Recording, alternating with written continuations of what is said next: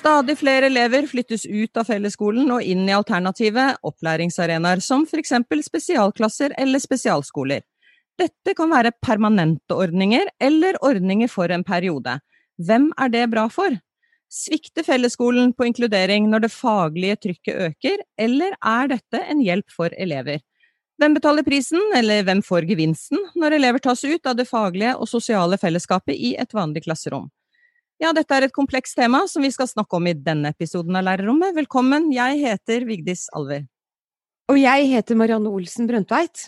De statlige spesialskolene ble nedlagt i 1992, og da var målet en mer inkluderende skole. Nå mener flere at utviklingen ikke går den veien, men spesialskoler blomstrer fortsatt. I 2020 fikk flere elever undervisning i alternativ opplæringsarenaer eller i egne faste avdelinger for spesialundervisning enn det som var tilfellet fem år tidligere. Det viser tall Utdanningsnytt har hentet fra GSI. Også økningen er reell. Elevene det dreier seg om, har gjerne ulik grad av ulike læringsvansker eller atferdsutfordringer, med eller uten en diagnose. Vi har tre gjester her for å få et innblikk i eh, dette komplekse feltet. Velkommen, professor Miriam Harkestad Olsen ved UiT, Norges arktiske universitet. Takk for det. Og så sier vi velkommen til deg, Hege Ose, du er rektor ved Karus skole i Kristiansand. Takk for det. Og velkommen til deg, Thomas Kofot. Du er tidligere rektor ved Brusetskollen skole og kompetansesenter for Oslo kommune. Nå er du konsulent og jobber i ulike kommuner der tilpasning av undervisningstilbud for ulike elever er sentralt. God dag, god dag. Og Kofot, de fleste elevene som går på Brusetkollen, din eh, gamle skole, de går der i en periode på noen uker før de går tilbake eller tilbakeføres til sin opprinnelige skole. Hva skjer i disse ukene på denne spesialskolen som Brusetkollen er? Ja, den, altså Hovedgruppen da, som er fra Oslo, den er der åtte uker. Og på de første fire ukene så er det utredning og, og sånn bli kjent og danne relasjon. Og så er det fire ukers utprøvning av tiltak. Og så er det tilbakeføring over flere måneder med et veiledning av skolen på alle nivåer. Altså det, kan, det, er ofte veldig omgripende. Da. Ja, og det er veiledning. Da er det liksom hvordan skolen skal legge opp undervisningen, hvordan de skal kanskje mm. hjelpe eleven både sosialt og andre ting. Er det riktig? Ja, altså mens de, mens de har vært på Brudskolen, så har de i tillegg til å ha fått faglig løft, altså med norsk, matte, engelsk og de vanlige fagene, de viktigste fagene, så har de også fått ganske mye fritidskompetanse. Og dermed så tilbakefører de inn i system, altså inn i både i skolesystemet, men også i fritiden. For at vi ser at det er mm. ganske viktig for å få det til å flyte og være sammen med andre. da. Og hva, og hva, viser erfaringene med denne ordningen? Eh, blir elevene godt nok tatt vare på i f.eks. undervisningen ved hjemkomsten, for å kalle det det, til nærskolen sin eller fellesskolen? Jeg må jo si at det varierer, men veldig ofte går det bra. For det, det, er en veldig god veiledergruppe som jobber der. Og så har det vært sånn at, eh, at vi har hatt en undersøkelse på det. da, En oppfølgings, ikke det vi kan kalle studie, men, en, altså, men det er ganske grundig gjort. Og det viser at 60% av de som hadde gått på Brusutkollen, de hadde ikke behov for hjelpetiltak fem år etterpå. Og det var elever som det hadde kjørt seg litt fast med både fra skolens side eh, ja. tidligere. Ja. Mm. Både atferdsvansker og, og fagvansker. Ikke sant. Mm. Men går det an for deg å si helt sånn helt generelt, hva er det en spesialskole eller en spesialskole gjør som fellesskolen kanskje ofte ikke får til? Hvis det er en god spesialskole, for det, her, det varierer jo, det skal jo sies, da, som man har sett. Men, men så, så, for det første så er det at de kan danne relasjon, for de er proffe på det. Altså De kan de viktigste tingene for å danne relasjon, bl.a. traumesensitiv undervisning. Og, og, så får man den nærheten som skal til for at de får tillit til en lærer, en voksen. Eh, åpner seg ofte. Og så er man veldig god på å håndtere atferd. Slik at de, de, får stanset den atferden som de på en måte er vært destruktivt i klasserommet, og øver seg på det vi kaller vanlig klasseromsatferd. Ja, Vi snakka jo om en økning her innledningsvis i alternative opplæringstilbud. Og hvorfor tror du at antallet elever som får et tilbud utenfor den vanlige fellesskolen, da, for å kalle det det, øker? Hvorfor tror du det er sånn? Ja, altså For det første så tror jeg det er sånn demografisk. altså det er, det, Norske elever endrer seg demografisk i forhold til på en måte at vi har fått mange nye folk i Norge som på en måte ikke er så gode i språk, og som har problemer med å tilpasse seg og skjønne de norske kodene. Det er en viktig faktor i det, tror jeg, hvis du skal se på tallene. Og så er det det at det faglige presset er blitt mye uh, høyere etter, hvert som man, man skal liksom, konkurrere om skoleplasser og, og, og, altså Det ligger mer press fra eierne da, til på en måte å prestere bedre, for de skal liksom være best i klassen. Og Da, blir det noe, da presser de noen ut. Mm. Men er det din erfaring at det er stadig flere typer elever? Altså elever med stadig flere ulike typer utfordringer som får slike tilbud utenfor fellesskolen? Ja, ja altså nå er jeg på tro, altså ja, dette tror jeg, da. Men jeg kan, jeg kan huske når jeg startet som lærer og som rektor og som leder så, så, det tusset jo av tilbud til, til elever. Men, men da var det ganske mye som ble kalt helse. Altså De var over på spesialstatens senter og sånne steder som det, hvor det var mer helserelatert.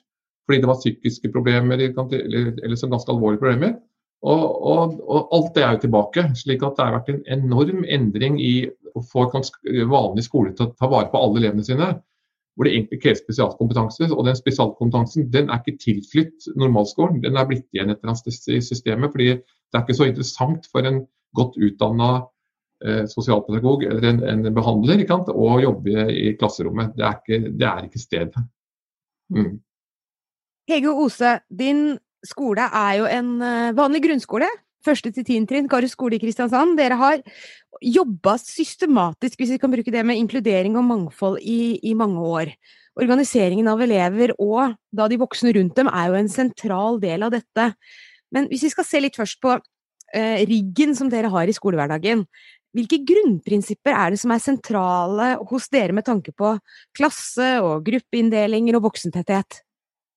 Ja, det, det som du, som du, sier, så har vi jobba systematisk over mange år med å passe på at den skolen vi tilbyr alle elever, ikke har sånne utstøtningsmekanismer som gjør at uh, man kan kjenne på et utenforskap i fellesskapet. Og, og uh, for å få det til, så, så, har vi jo lagt opp en organisering uh, og det, det, er jo et ganske stort område, det kan ta lang tid å si noe om dette. Men hvis jeg skulle plukke ut tre ting, da, så, så vil jeg si at måten vi har bygd opp samarbeidskulturen eh, på skolen, hvordan vi har lagd et eh, lag rundt eleven, eh, er kanskje noe av det viktigste. Vi, har, eh, vi er trinnorganisert, det er vel de fleste skoler.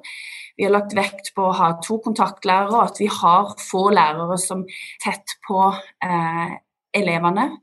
Og vi har alltid satt ressurs inn eh, i klasserommet, sånn at vi har brukt eh, ressursen fleksibelt. Det betyr ikke at alle elever alltid er inne i klasserommet, men det betyr at vi har ikke hatt faste systemer for eh, grupper med spesialundervisning eller særskilt norsk, eller eh, de organiseringsmodellene som kanskje mange andre skoler bruker. Det har vi aldri hatt. Mm. Så vi har vært veldig opptatt av å bygge opp et raust klima i klassene, og har, har jobba mye med det.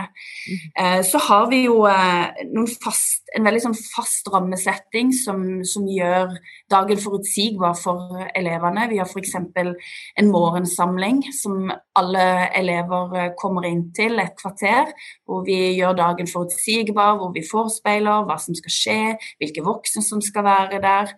Og eh, hjelper de til å, å, å, kjenne på at det er trygt og godt denne dagen her. Og noen mm. trenger en ekstra hjelp til å, å logge seg på, og kanskje har de hatt en litt skeiv start på dagen. Eh, så har vi jo i tillegg til det så vil jeg trekke fram det som har med elevsyn og hvordan en eh, både rekrutterer voksne inn i, i, skolen vår som har et elevsyn der det forskjellighet er en styrke eh, i skolen vår. Vi er jo en veldig mangfoldig skole.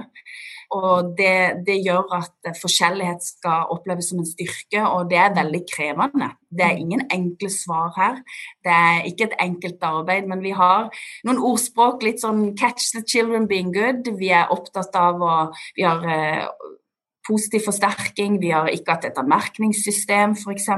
Vi har, har jobba veldig med relasjon og tenker at jo bedre relasjon, jo høyere forventninger kan du ha til det enkelte barn. Så vi er veldig tett på og har vært det over tid.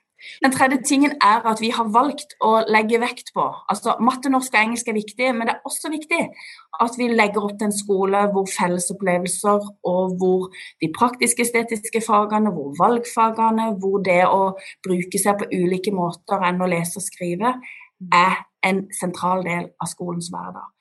Og for elever med ulike talenter så, så har du lettere for å kjenne på en tilhørighet når skolen rommer bredt. Som vi har nevnt innledningsvis her, så er det jo mange elevgrupper vi snakker om her. Det er et bredt uh, elevgrunnlag, dette er et komplekst felt. Men, og du, du, snakket innledningsvis her også om det som du kalte utstøtningsmekanismer. Hva, hva, slags mekanismer er det dere ser etter da, hvis dere ønsker å på en måte gripe fatt i dette? Nei, det som jeg sier, dette med, dette med relasjon og hvordan, hvordan, eleven opplever å bli møtt av de voksne og av medelever, det er jo, det er jo kjernen i om, om barnet opplever at uh, her kan jeg ha det trygt og godt. Tanken lekker, pleier jeg å si. Mm. Og det, det, er noe med det. Du må genuint ha voksne som uh, oppdrar uh, barn i skolen til å tenke at, at forskjellighet er, er, bra. Det er en del av livet, det. Mm. Utenfor skoledøra. Så Derfor så, så, er det godt å gå på en skole hvor du møter forskjellige elever. Det er klart Vi har eh, mange ulike kulturer, vi har eh, faglige og sosiale forskjeller på våre elever. Og, og det er jo sånn i mange skoler i Norge i dag språket vi bruker om elever, språket, hvordan vi jobber med sosiale ferdigheter systematisk på skolen. Ja. Mm. Fordi En side er jo grepene som dere tar som voksne, og det profesjonelle ansvaret som ligger nettopp der. Men en annen side av saken er jo også elevenes opplevelse av tilhørighet. Hvordan tenker dere rundt det? Nei, det, det, er nettopp eh, de tingene som vi har vært så opptatt av å, å, å skape på skolen. Og de fellesopplevelsene som vi, vi, legger til rette for å bruke tid for. Det kan være turer, det kan være organisering av aldersblanding eh, hvor de store hjelper de små. Vi har f.eks faste sangsamlinger hver måned, hvor en barneskoleklasse og en ungdomsskoleklasse jobber sammen om å lage noe for hele skolen. Og, og, det er de mekanismene som skjer der. Når den lille andreklassingen som aller helst vil løpe rundt, når han kryper opp på fanget til tiendeklassingen, så, så skjer det noe. Det skjer noe med å kjenne at det er viktig for for de som går på skolen. Og det gjør noe med den store tiendeklassingen som kanskje har strevd med mangt og meget. Så det er, eh, det er, å få den dynamikken i elevgruppa, den gruppefølelsen som, som eh, jeg tror har enormt kraft for, eh, for, barn som fort kan falle på sida og kjenne på kanskje fellesskap utenfor skolen. Ja, Miriam Harkestad Olsen, du er jo forsker og du er, jobber også i Statped. Dette du har hørt nå, var det noe du ville kommentere på det? Å oh, ja. Egentlig ganske mye, men jeg kan jo begynne et sted. Det er det at um, de her tallene som dere viser til, de kan jo leses på mange ulike måter.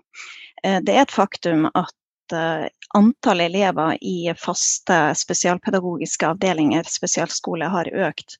Men det er også et faktum at av elever som får tilbud om spesialundervisning basert på enkeltvedtak, så fra 2013, eh, hvor det var 28% som fikk tilbudet sitt i ordinær klasse, så er vi nå på 48% Altså nesten halvparten av elevene får sitt tilbud i ordinær klasse.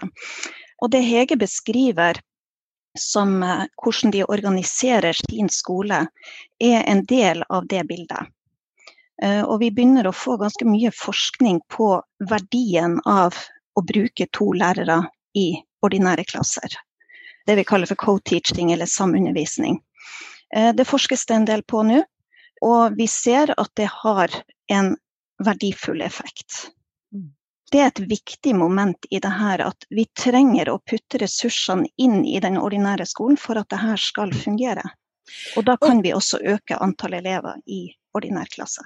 Ja, fordi, og dette med spesialundervisning er jo veldig interessant, og den øker jo, som du påpeker. Og så er det også en pågående diskusjon om den, og den fungerer ikke alltid like bra rundt omkring på alle skoler. Og du snakker om verdien med to lærere. Hvilken effekt snakker vi om da? Du tenker når lærere samunderviser? Ja, i klasserommet. For, for, de som klarer det godt, fordi at her er det en del barrierer som, som må over. Det virker som ut ifra det Hege beskriver at de har fått et godt opplegg på sin skole. Men de som klarer det godt, verdien er at man kan i mye større grad tilpasse for den enkelte elev. Mm. Og det er vel det som er godstoffene i forhold til å få til at elever med spesialundervisning får sitt tilbud i ordinær klasse, det er nettopp det at lærere klarer å samarbeide og klarer å få til en, eh, si, en forskjell for elevene. Mm. At vi ikke bare går på gjennomsnittseleven, men at vi klarer å tenke mye mer fleksibelt. Men dette krever jo også eh, at det klares å gjennomføres på skolen. ikke sant? Vi ser jo fra, Det er jo veldig ofte at assistenter brukes, at det ikke er to lærerutdannede lærere som står i klasserommet. Og, og hvordan skal man få det til? At det blir sånn som du snakker om her? Det er jo der det her eh, ressursspørsmålet kommer inn.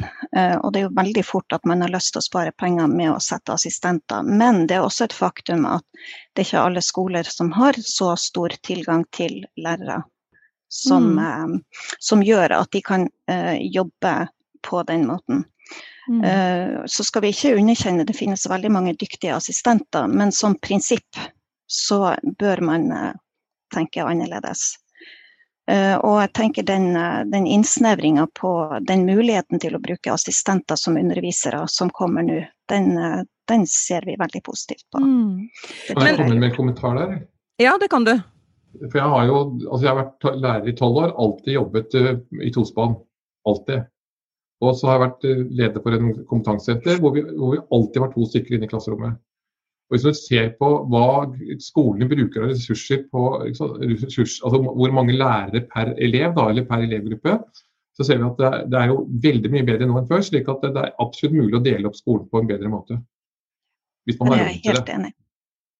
Men, men, Miriam Harkestad Olsen, eh, tilbake til deg. Elever med IOP-er og spesialundervisning øker, og det er også en større bruk av spesialklasser og spesialskoler. Og Er det en grunn til å tro at elevenes forutsetning for læring har blitt endra i tilsvarende takt i samme periode? Er det, er det, noe av det som forklarer økningen, eller hvorfor skjer dette? Eller er det fordi man ser elevene bedre?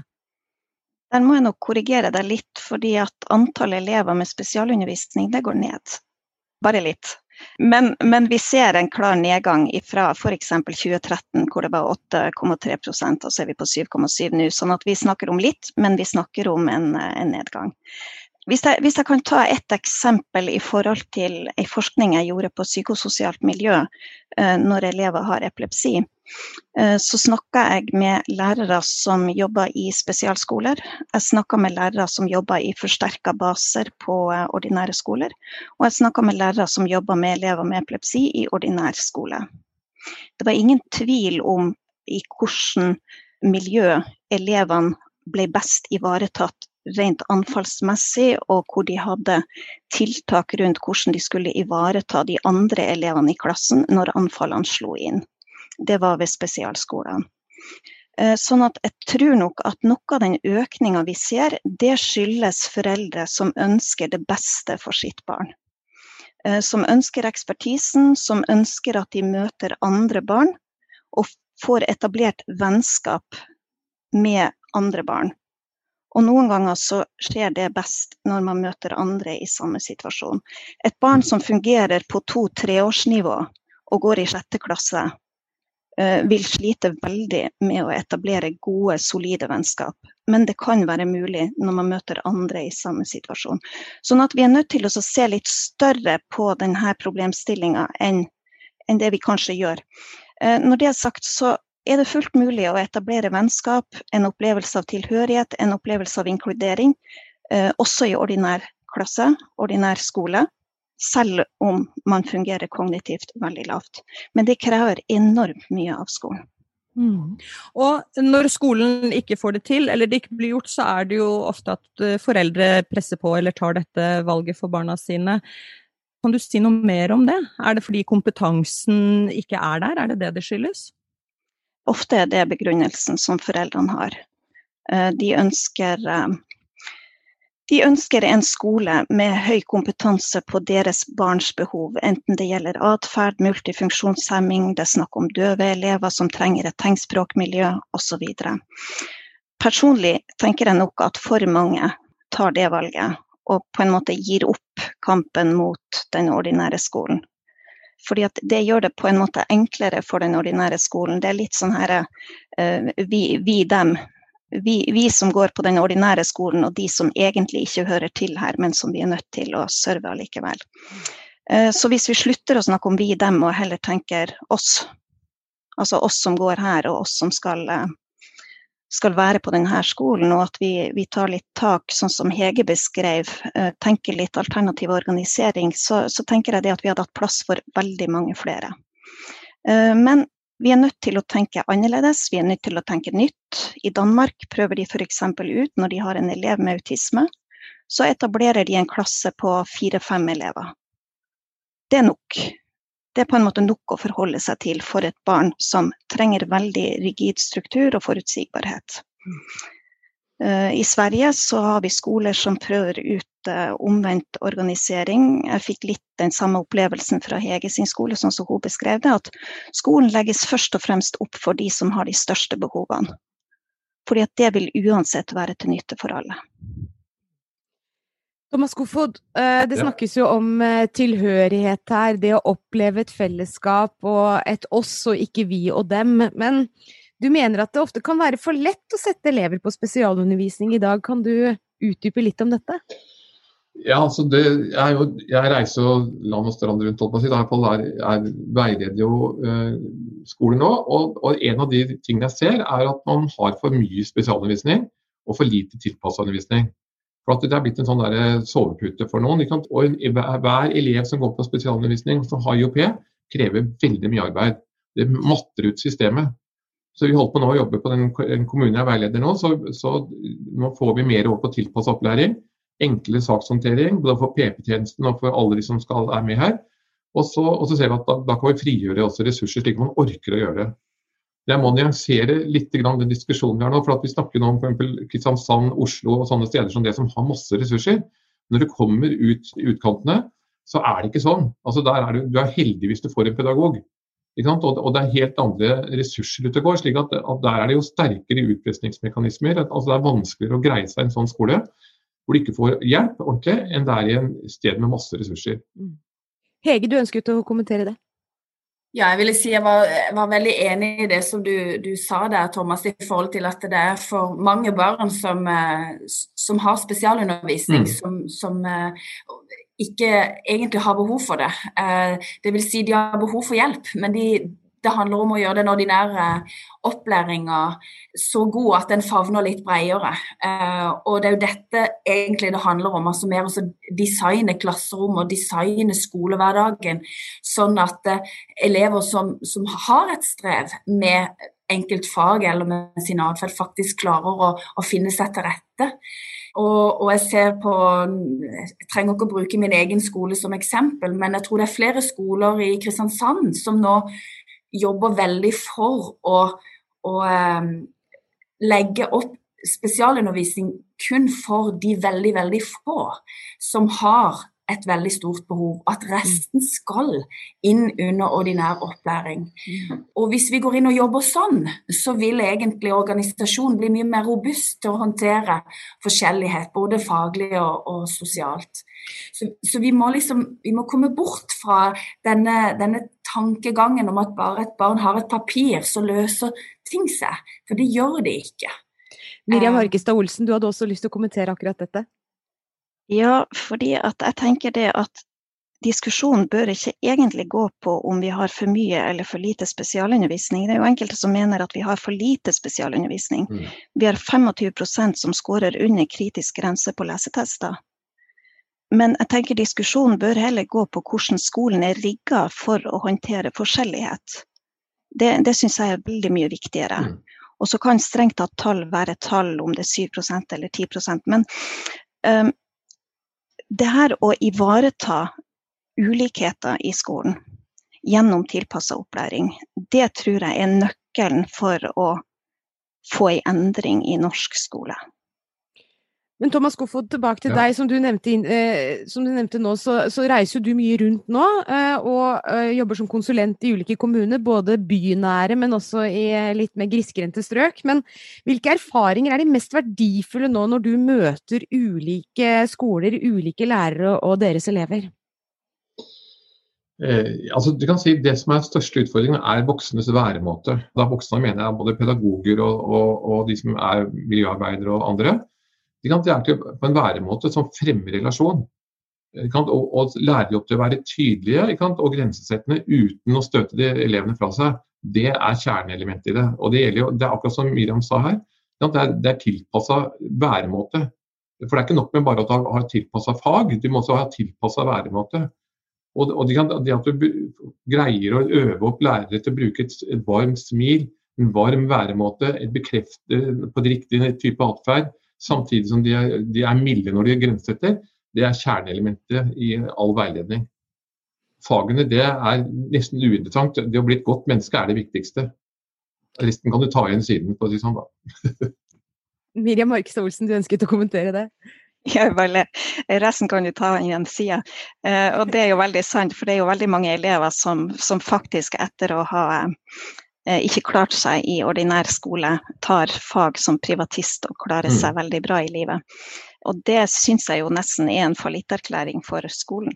Men, men, det så, jeg tenker det at den gangen for ja, kanskje snart ti år siden, når jeg eh, gjorde doktorgraden min, eh, så undersøkte jeg nettopp det her med inkludering i skolen.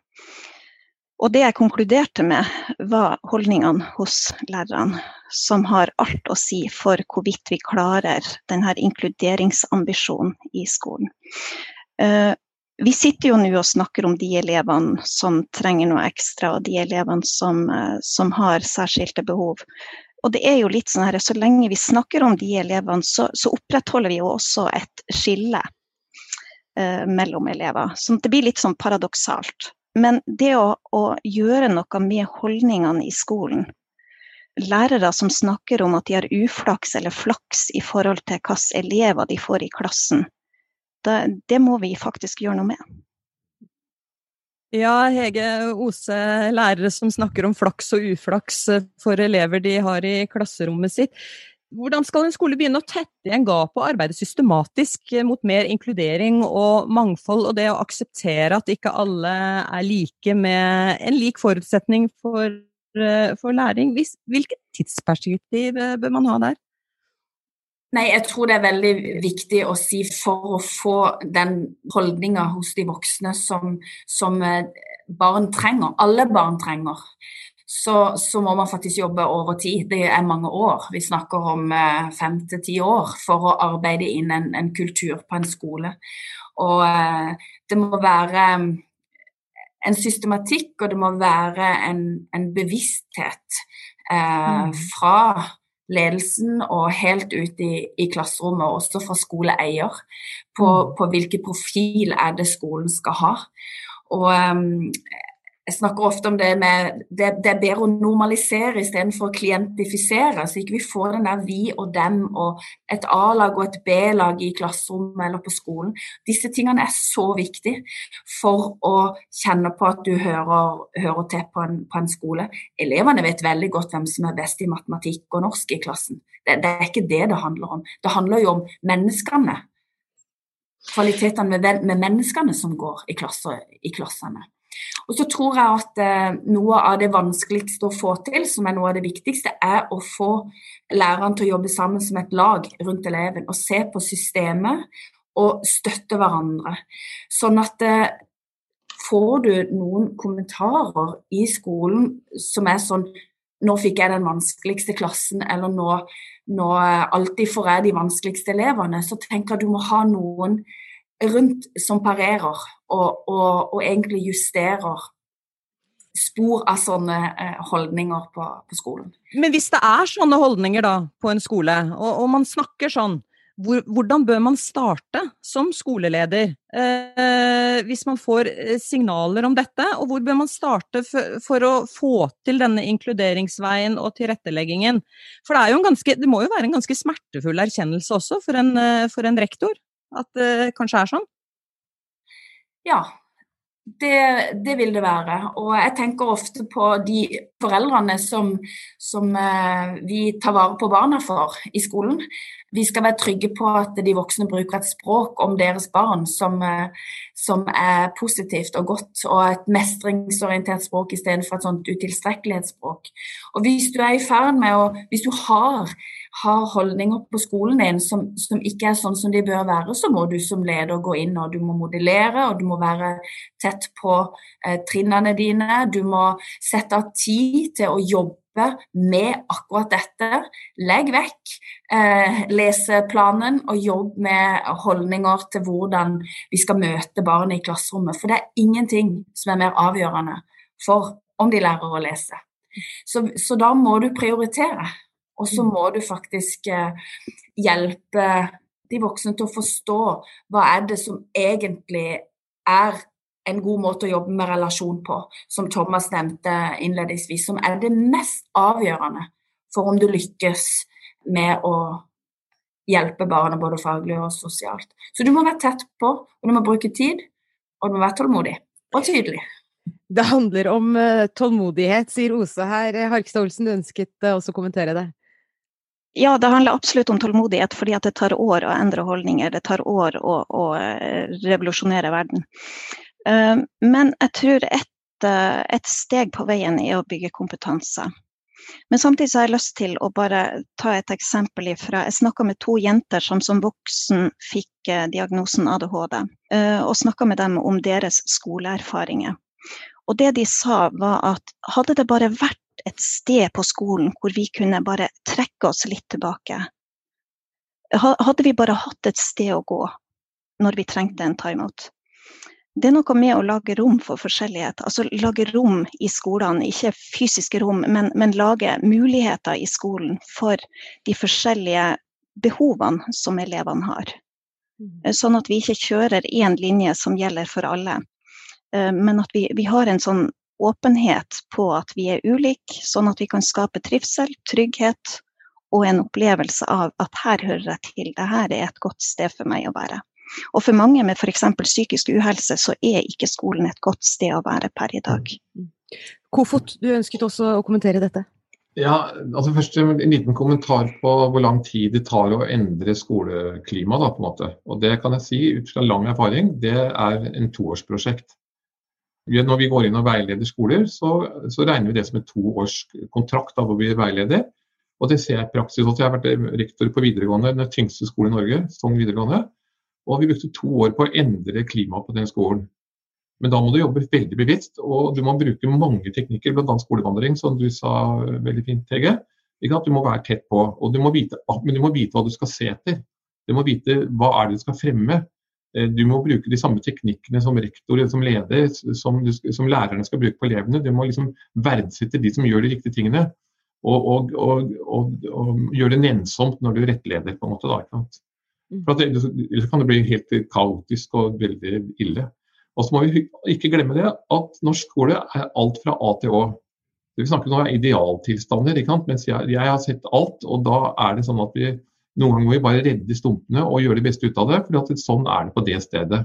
Slik at vi liksom favner hele landet. da. Mm. Hvis jeg bare kan skyte inn, jeg tenker det Thomas sier nå er kjempeviktig. Eh, altså du, du, har alt fra de som har atferdsproblematikk, til de som har fagvansker, til de som har psykisk uhelse. Altså, mm. en lærer møter utrolig mye, og det skal litt til å håndtere alt. Så det må vi jo òg ha en forståelse for. Der er vi enige. Det er jo en veldig fin måte å nærme oss en avrunding av denne episoden på. Men til slutt, Harkestad Olsen, altså fellesskolen og rammene, slik det, eh, den er rigget i dag, hvor sannsynlig er det at den kan bli den arenaen og denne idealiserte arenaen som vi snakker om her i dag, for eh, alle elever? Vil vi alltid trenge spesialskoler og spesialklasser i en eller annen form? Nei, jeg vil si at vi trenger ikke spesialskoler og spesialklasser eh, egentlig i det hele tatt, hvis vi klarer å få eh, skolene litt snudd. Eh, men det er en beinhard prosess. Altså man må være villig til å gjøre det. Fordi at det er lettvint å sende fra seg elever, dessverre. Og mange foreldre opplever det som en større trygghet for sitt barn, spesielt de som har multifunksjonshemmede barn eller barn som trenger medisinsk oppfølging. Så, så jeg har forståelse for begge parter. så Det er lettere for skolen, det er lettere for foreldrene. Men jeg tror, eh, helt ifra jeg begynte å forske på inkludering som fenomen, så, så tror jeg på den norske skolen på sikt. Men vi er bare nødt til å jobbe med det. Og mange skoler er på nå de er virkelig på i forhold til å få til et system ved sin skole som kan ivareta alle elever. Sånn at det skjer noe. Ja, la oss håpe at eh, det har skjedd enda mer hvis vi tar denne samtalen om igjen om la oss si to år. For dette temaet er langt fra ferdigsnakket, men vi må avslutte denne episoden nå, og vi håper at uh, den kan fortsette uh, denne samtalen et annet sted. Tusen takk til gjestene våre Thomas Kofod, Hege Ose og Miriam Harkstad Olsen for at dere var med oss som gjester her i lærerrommet. Og tusen takk til deg som eh, hører på podkasten vår. Gå inn i din podkastkanal og abonner på Lærerrommet. Del oss med andre som du tror vil ha glede av temaene vi snakker om. Nå sier vi takk for følget denne gangen. Ha det bra. Ha det.